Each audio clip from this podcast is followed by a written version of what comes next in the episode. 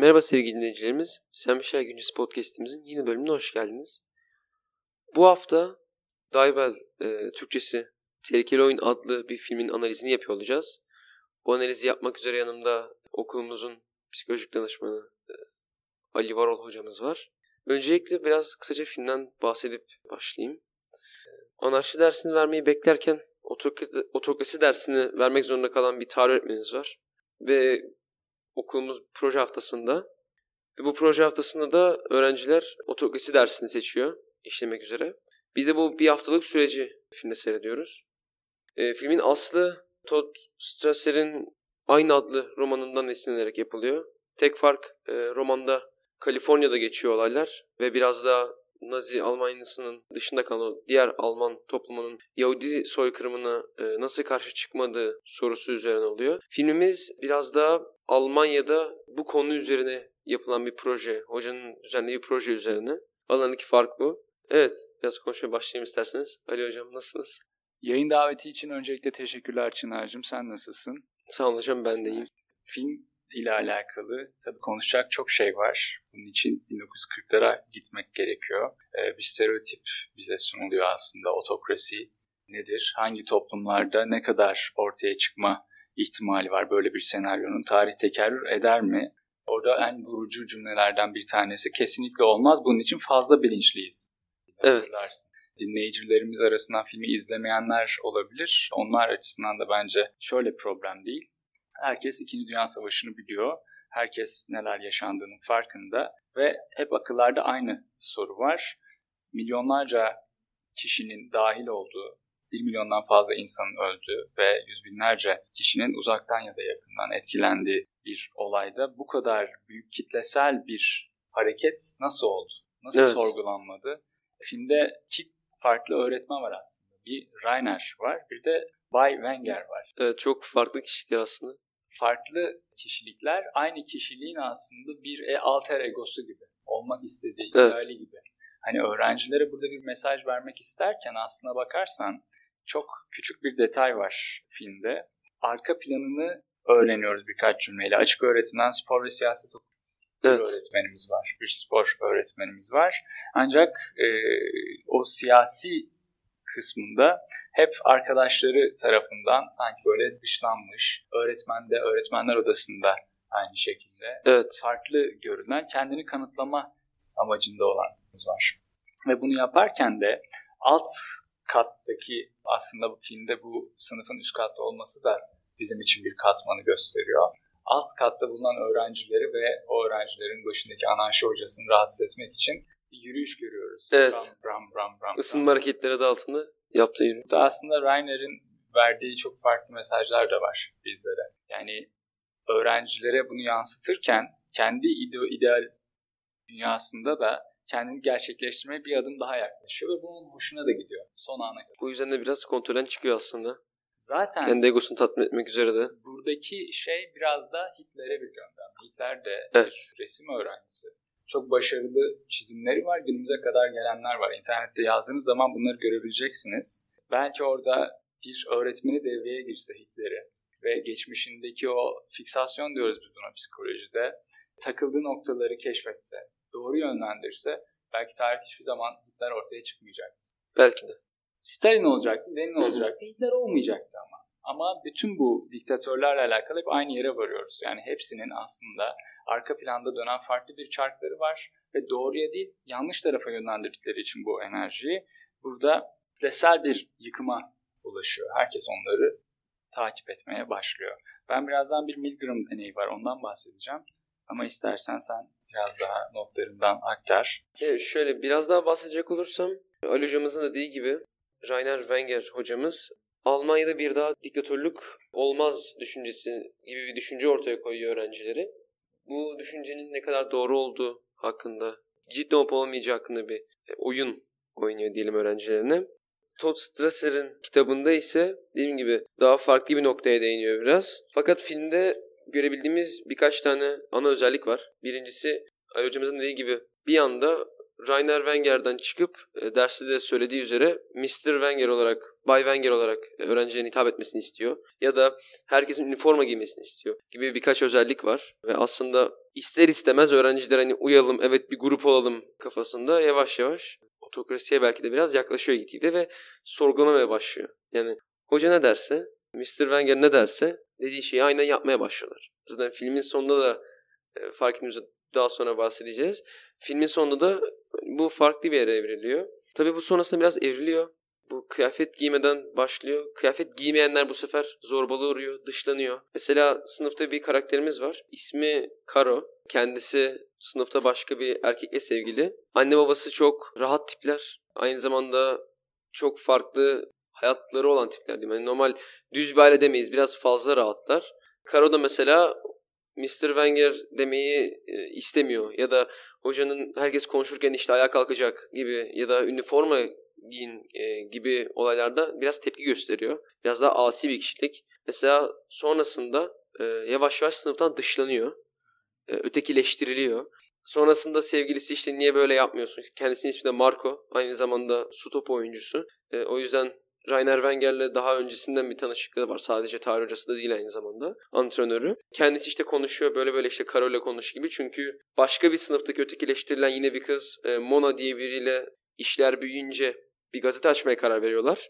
Bu gazete niye var? Neden böyle şeyler yapıyorsun? Niye bize karşı çıkıyorsunuz gibi konuştuğu zaman da biraz karışıyor işler. Çünkü Marco'nun da aynı zamanda anne babası yok. Hani filmde hiç bahsedilmiyor, hiç görmüyoruz. Ve yanlış değilsem de evde yaşamıyor. E, apart denemez ama bir yurtta yaşıyor galiba. E, bu yüzden çok farklı kişilikler olmalarına rağmen, çok zıt kişilikler olmalarına rağmen beraber çıkıyorlar. Ve Karo tamamen asi olarak karşı çıkmasına rağmen Marco da bir o kadar tutunuyor aslında. Sonrasında tabii aralarında konuştuktan sonra Kara'ya e, biraz fiziksel temasta bulunuyor. Sonra Marco kendisi farkına varıyor çok ileri gittiğinin gibi. Film gelişiyor gittikçe. Karakterlerin aslında anlatmaya çalıştığı bir şey var. Yani dalga ismini veriyorlar evet. oluşuma. Ve dalga bize bir aile sundu. Senin de dediğin gibi aslında bu aile normal şartlarda günlük yaşamında aile kavramı olmayan kişiler için ayrı bir çekiciliği olan bir şey. Çünkü aynı zamanda bir mesaj da var. Güce ancak birlik olunca ulaşılabilir. Filmde de bu defalarca kez tekrar ediliyor. Ve oradaki insanlar gücü görüyorlar. Beyaz giyiniyorlar. Kalk deyince kalkıyorlar. Yürüdükleri zaman adım attıkları zaman bütün okulu inletebiliyorlar. E, bütün şehre yayılmaya başlıyor. Her yere zaten aslına bakarsan gördün orada e, sprey boyayla evet. biz buradayız mesajı vermeye başlıyorlar. Bir hafta gibi kısa bir sürede ortaya çıkıyor. Hatta bir haftadan da kısa. Bir haftanın sonunda evet, işler... Yedinci, yedinci günde evet. oluşuyor. Şöyle Aynı zamanda dediğiniz gibi sprey boy yaparken mesela farklı bir grupla karşılaştılar anarşistlerle mesela. Orada da farklı bir kişiliğe değiniyor özellikle film. Fark ediyoruz daha doğrusu. Tim diye bir kişi var. Çok varlıklı bir ailesi var. Marka ürün geliyor gibi vesaire. Ama çok silik bir tip aynı zamanda. E, bu silik yüzünden işte zorbalık olsun, arkadaş olmaması gibi durumlar var. Ve dalga olduğu zaman da çok tutunuyor. Aşırı bağlanıyor. Hatta o kadar bağlanıyor ki o anarşistlerle karşılaştıkları zaman e, öğreniyoruz ki internetten bir silah satın almış. Hatta kavga çıkacağı zaman yani hiç beklemediğim bir yerden çıkası benim bir anda silah çekiyor ve tehdit ediyor. Filmin sonrasında da zaten aynı şekilde şiddetlerine ve davranışlarına da artış görebiliyoruz. Zaman ilerledikçe daha çok bağlanıyor.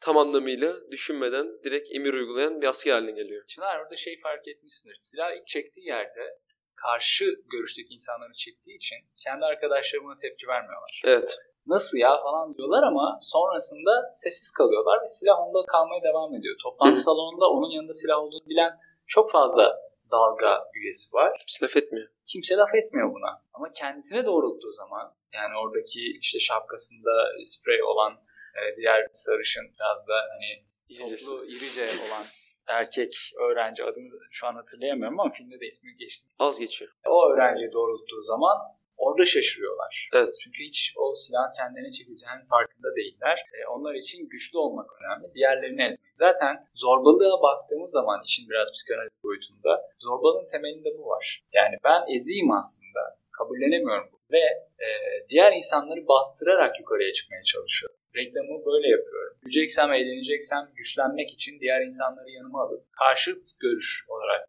tespit et. Kişilere bastırıyorum. Bu silahlı olabiliyor, bazen duysal, sözellerle olabiliyor. Ama kendi tarafına döndürdüğü zaman silah işler değişiyor.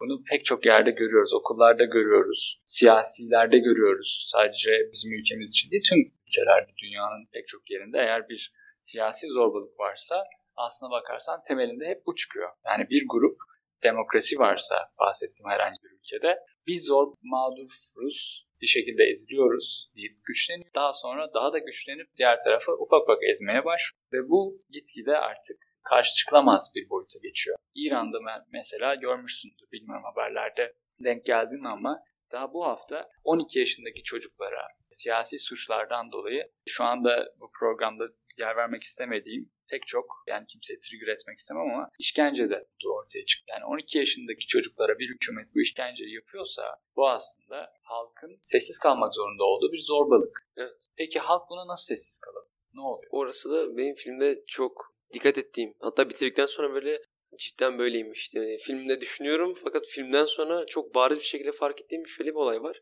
Herkes bir kişi olarak düşünüyor. Hani herkesin davranışı aynı, herkesin hareketleri aynı zaten amaç da bence hani biraz üniforma giymekten başlayıp e, yapılan bütün hareketler birlikte yapılmaktan çok bir kişi olarak yapılıyor. Hani herkesin fikri aynı, herkesin görüşü aynı. Bir grup olmaktan da çıkıyor bir yerden sonra ve hani o baştaki kişinin de Bay Wenger oluyor. Wenger.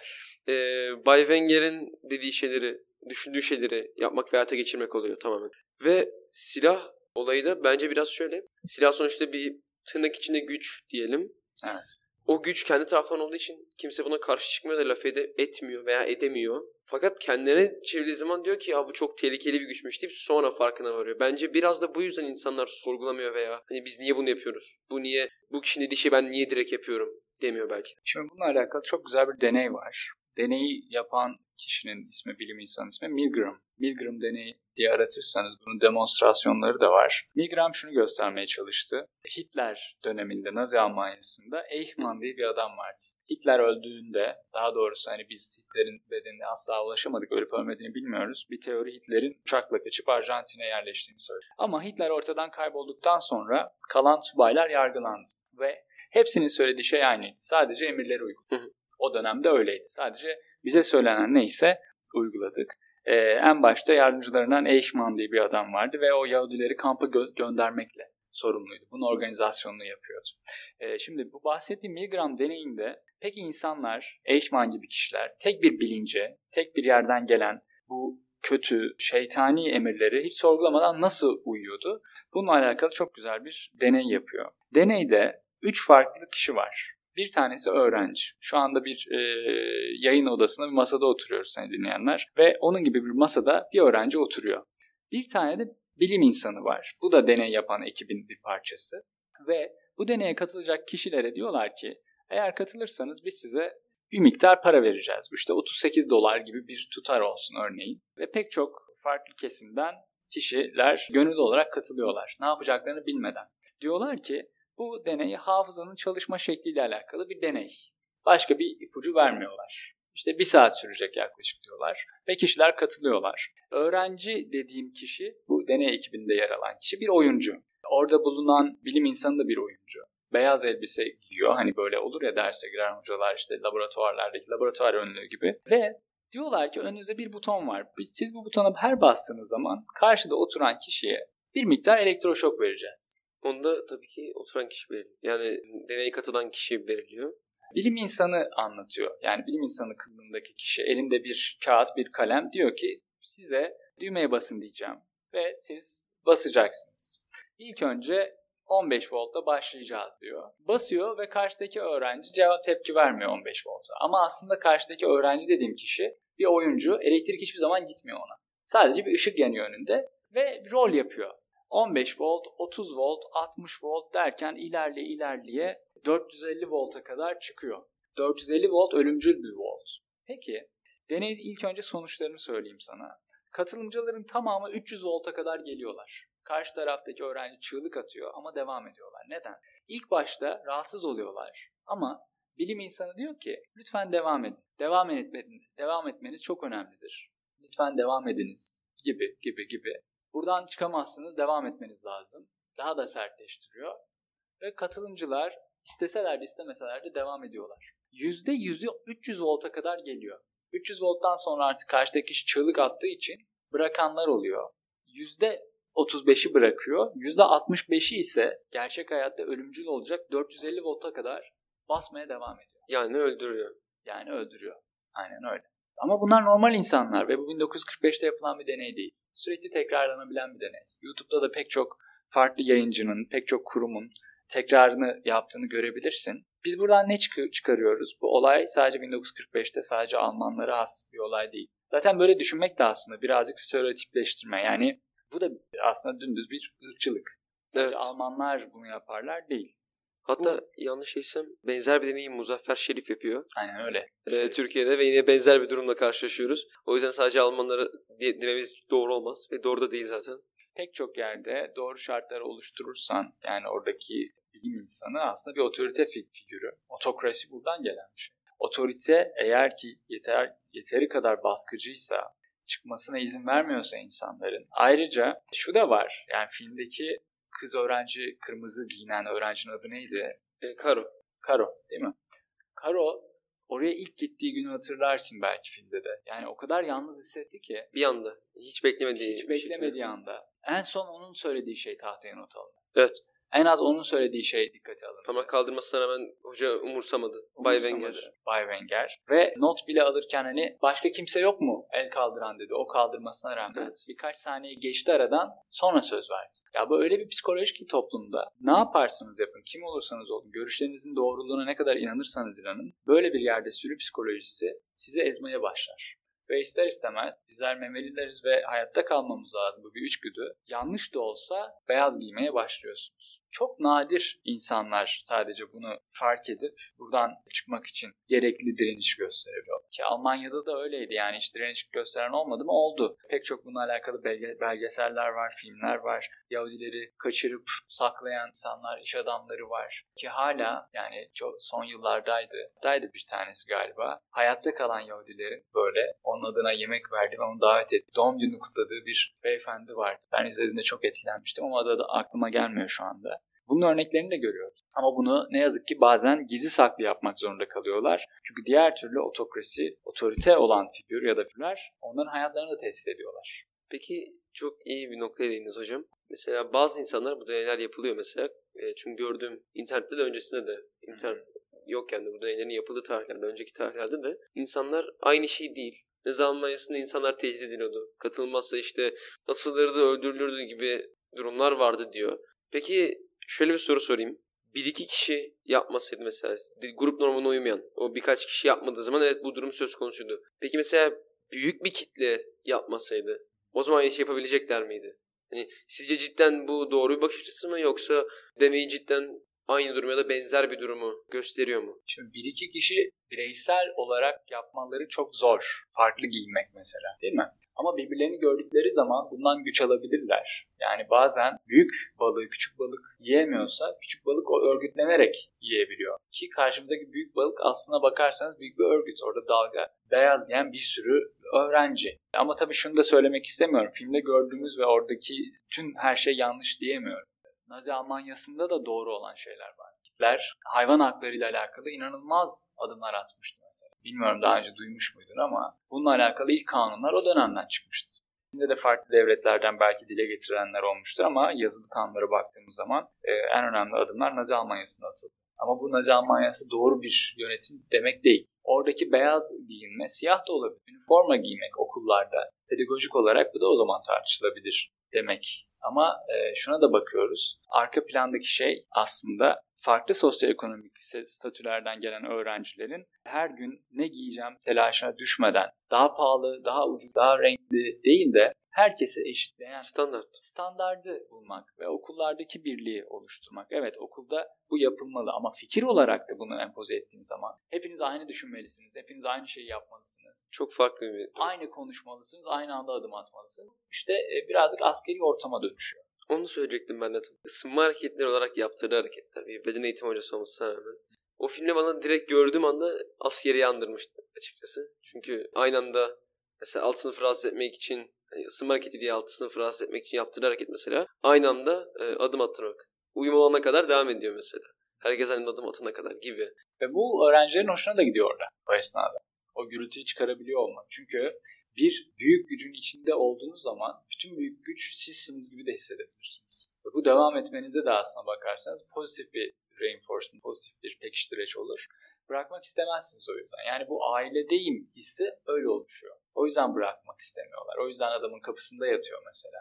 Oradaki silahlı figür. Tim. Ben seni korumak istiyorum. Ben sizi korumak istiyorum. Sonra hatta onu böyle e, anarşistler bir beyaz boya attığı zaman bakın size söylemiştim diye bunu da bir şekilde gösteriyor. Ee, şey kaçırmış olabilirim. Bay Wenger'in ya da Reiner'in artık o Tim'in silahına dair bilgisi var mı? Yoktu değil mi? Hiç görmemişti o ana kadar. Hiç Sonra görmemişti. O anda gördü. Ee, ama bence bu biraz tartışma konusu ama bence görseydi bir şey demezdi. Çünkü o başlangıç ve son 7. güne varana kadar Bay Wenger de çok kopmuştu. Hani e, ondan hiç bahsetmiyorduk ama mesela eve gittiği zaman e, karısı da sürekli uyarıyordu. Hani çocuklar böyle böyle yapıyor öğrencilerin. Hani buna bir son vermen lazım gibi. Ama bence biraz kendi egosu yüzünden de kendisi kopmuştu ve yapılan şeye göz yumuyordu. Son dakikaya kadar. bir deney bile olsa güç zehirlenmesi yaşayabiliyor insanlar. O yüzden de zaten siyasette şöyle bir şey vardır. Birkaç dönemden sonra aynı kişinin aday olmasına izin verilmez. Tabii ki sınırlar bir şekilde değiştiriliyor. Pek çok yerde bunu görüyoruz. Kanunlar gevşetiliyor ve aynı aday yıllarca devam edebiliyor ama pek çok ülkede bu geçerli. Bu yüzden aslında biraz Milgram deneyine bakmak lazım. Tarihte yaşanan şeylere bakmak lazım. Bir öğretmen bile burada kendi düzenlediği deney, sözüm ona deney. Zaten hani böyle bir şey yapması etik olarak da doğru değil ama içinde bir haftada kendisi de kaybolabiliyor. Yani ben şunu da bekleyebilirdim. Filme baktığımda son 5 dakika kalmasaydı belki de eğer bir bölümü daha olsaydı Bay Wenger'in aslında daha doğrusu o kitleyi bütün ülkeye yayıp yeni bir Hitler olma yönünde bir adım atabileceği Evet çünkü söz konusuydu. Üçüncü, dördüncü günden sonra okulun dışından da insanlar gelmeye başladı. Sadece okuldan değil. Hatta e, okuldan alıp dalgaya katılmayan öğrencileri içeri almadılar. Kapıda durdular. Hatta işte git üniformanı giyin gel ya da sembol yap öyle gir gibi hareketlerden ama okulda olmamasına rağmen okulda olmayan kişileri işte o, o kıyafeti, o üniformayı giyiyor diye ya da dalgadan diye içeri aldılar. Bu da ilginç bir durum. Yani burada sembollerin çok önemi var. Hareketler, bir dalga hareketi yapıyorlar değil mi kollarıyla yukarıdan Evet. aşağıya doğru. Kıyafetler, selamlaşmalar, birbirlerine hitap etme biçimleri. Yani e, Reiner değil de Bay Wenger birbirlerine bu şekilde. Ya Hitler Almanya'sında da böyleydi. Ayağa kalkmalar, oturmalar, söz, söz istediği zaman bir anda bunu yapmaları. Hepsi aslında buradaki otoriteyi güçlendirecek sembolik ve olması gereken şeyler. Ve böyle bir otorite varsa ister istemez bunlar da bilinç altında kitlesel olarak ortaya çıkıyor. Keşke bizim de bir hareketimiz olsa. Keşke ya bugün baktığınız zaman spor kulüplerinde bile bu böyledir. Farklı bir konu gibi görünüyor ama bir spor kulübünün amblemi olmak zorunda, logosu olmak zorunda, Üniforması olması. renkleri olmak zorunda. Belki bazı şeylerin mesela kulübün bir logosunda bir hayvan figürü. Beşiktaş, Karakaltar olmak zorunda. Aslan, Galatasaray, işte Fenerbahçe farklı bir şey. Trabzonspor'un var mı bilmiyorum ama Ben de bilmiyorum çok futbol takip etmiyorum. Hamsi belki. Yani öyle diyorlar ya onlara ki Trabzonlar da buna itiraz etmeyeceklerdir. Ama yani ihtiyaç oluyor. Eğer bir grupsa, bir üst bilinç varsa orada bu grubu birleştirecek logolara şunlara bunlara da ihtiyaç oluyor. Ama tabii burada çok ince bir çizgi var. Yani 7. gün sonrasında aynı öğretmen bu deneyi devam ettiriyor olsaydı o güç zehirlenmesinden büyük ihtimalle öğrencileri salacaktı okul dışına ve kendi kontrolünü de kaybedecek. Ama zaten 7. günde de bazı şeyler için çok geçti. E çünkü orada görüyoruz ki bir öğrencinin hayatına mal oluyor. Evet. Tim, Vurulan öğrenci hastaneye kaldırılıyor. Hani o hayatından olmuyor belki ama, ama Tim intihar ediyor. Tim intihar Vurduktan ediyor. sonra da. E, Şöyle zaten bence Tim ilk güne itibaren zaten ilk böyle böyle bir proje yapalım dedikten sonra zaten kamera Tim'e zoomluyor. Ve hani o gülüşünü ör- görüyoruz. Sonrasında silah almadan önce de şöyle bir durum oluyor. Onu söyleyeyim. İlginç bir olay biraz. Tim dediğimiz gibi silik bir tip ve zorbalığı uğruyor. E, zorbalığı yapan kişiler geldiği zaman bu sefer sınıfından işte o dalgadan olan başka bir ekip gelip onu savunuyor. Tam da o zamandan sonra aslında belki de dalgayı ailesi olarak görmeye başlıyor. Hatta o gün eve gittikten sonra üniforma giymeye başladığı için diğer işte aldığı marka ürünleri ve hayatında olduğu bazı bağlı bağlı olduğu bazı noktaları yok etmeye başlıyor. Mesela alıp kıyafetlerini bir yerde yakıyor evet. akşam. Sonrasında da silah alıyor ve tamamen o grubun o oto- otokrasiyi destekleyen o grubun o dalganın tam olarak içinde yer almaya başlıyor. Yani burada şunu söylemek lazım. Peki ne yapacağız böyle şeylerin tekrar olmaması için? Mesela Tim'e ne yapılabilirdi? Tim neden böyle bir şeyin içine kolaylıkla düştü? Aramızda Tim gibi olan insanlar yok mudur? Yani milyarlarca insan var vardır. dünyada. Ne gerekiyor? Burada ne eksiklik? Belli ki bir eksiklik de var. Bir hayat anlamı, bir amaç eksikliği var. Şunun vurgusunun her yerde yapılması lazım. Yani biz sürekli şunu söylüyoruz arkadaşlar. Sizler biriciksiniz. Mesela şu an ben üzerimde tesadüf gerçi bu biraz ama ki kıyafetimde arkada Shock Person A Unique yazıyor. Her birey eşsiz benzersizdir. Evet. Bu aslında bu algını tam kırmak için çok anahtar bir cümle. Biz bunu niye söylüyoruz? Çünkü her insanın farklı bir amacı olmak durumunda hayatta. Doğru ya da yanlışı aslında bunun yok. Yani bir insan doktor olmak isteyebilir, istemeyebilir. Eskiden bu vardı ülkede. Notların iyi ise doktor ol, mühendis ol, avukat ol, savcı ol, hakim ol, psikolog ol, öğretmen ol. Kalıp bazı. Kalıplar yani. Evet. Taş çatlasa 6-7 meslek vardı ama biz bugün bunu diyor demiyoruz. Kendinizi keşfedeceğiniz yollar var. Bunları yürüyeceksiniz. Ailelerle konuşuyoruz. Bazı aileler de kendi idealleri neyse çocukları aslında empoze ediyorlar. Hayır yani eğer ki çocuğun farklı bir yeteneği varsa buraya yönlendireceğiz. Temas Çocuk. kuracağız. Tim karakteri muhtemeldir ki hiçbir yetişkinin temas kurmadığı, kale almadığı, hiçbir yere ait hissetmeyen bir karakter ki bu kadar çabuk aslında sistemin içine empoze oldu. Sistemin içinde var oldu çünkü aslında. O ana kadar var olmayı anlayamamış, var olamamış. Bu noktada Kadir Özer'in, Profesör Doktor Kadir Özer'in Var Olmak Cesaret İster diye bir kitabı var. İsterseniz dinleyicilerimiz de edinebilirler. Çok güzel anlatır. Var olmak hakikaten cesaret isteyen bir şey.